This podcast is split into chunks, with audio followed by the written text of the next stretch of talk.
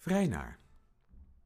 Gedichtenweek. Dat is het ook nog. Of is die alweer achter de rug? Omdat het grootste deel van die week toch niet doorging, maakt het eigenlijk niet zoveel uit.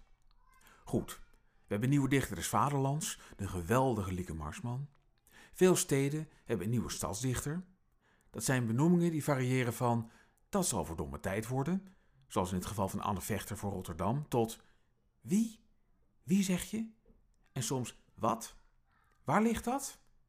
Heeft dat stadsrechten? Persoonlijk gaan mijn gedachten deze week uit naar de Bernhezer Kunstkring. Die heeft een gedicht van mij gebruikt op een semi-permanent spandoek dat ergens op een plein in het Brabantse Heesch staat. Ik weet dit omdat er foto's van in de krant zijn verschenen. Mij is niets gevraagd. Dat hoeft ook niet, omdat er vrij naar Ingmar Heidse bij is gezet. En dan mag het.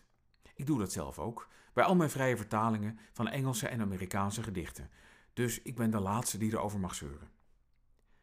Ik mag er wel iets van vinden, en dat is dit. Het is verstandig dat ze me niets gevraagd hebben.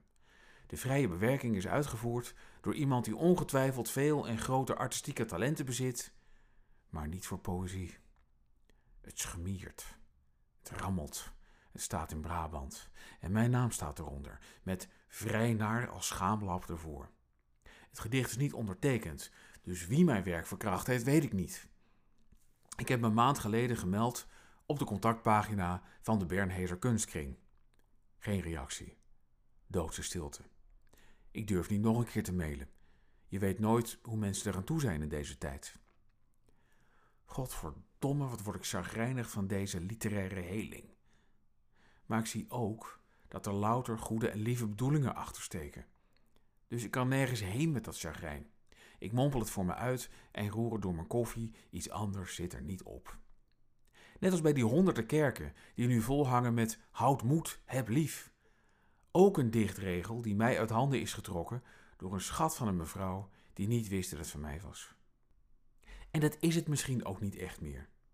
Zoals de dagen oplossen in elkaar, het normale ritme in een soort levensmist en mijn inkomen in de lockdown, lost mijn werk op in de wereld. Hoe langer het duurt, hoe minder het uitmaakt. In lockdown zijn is bestaan, vrij naar leven.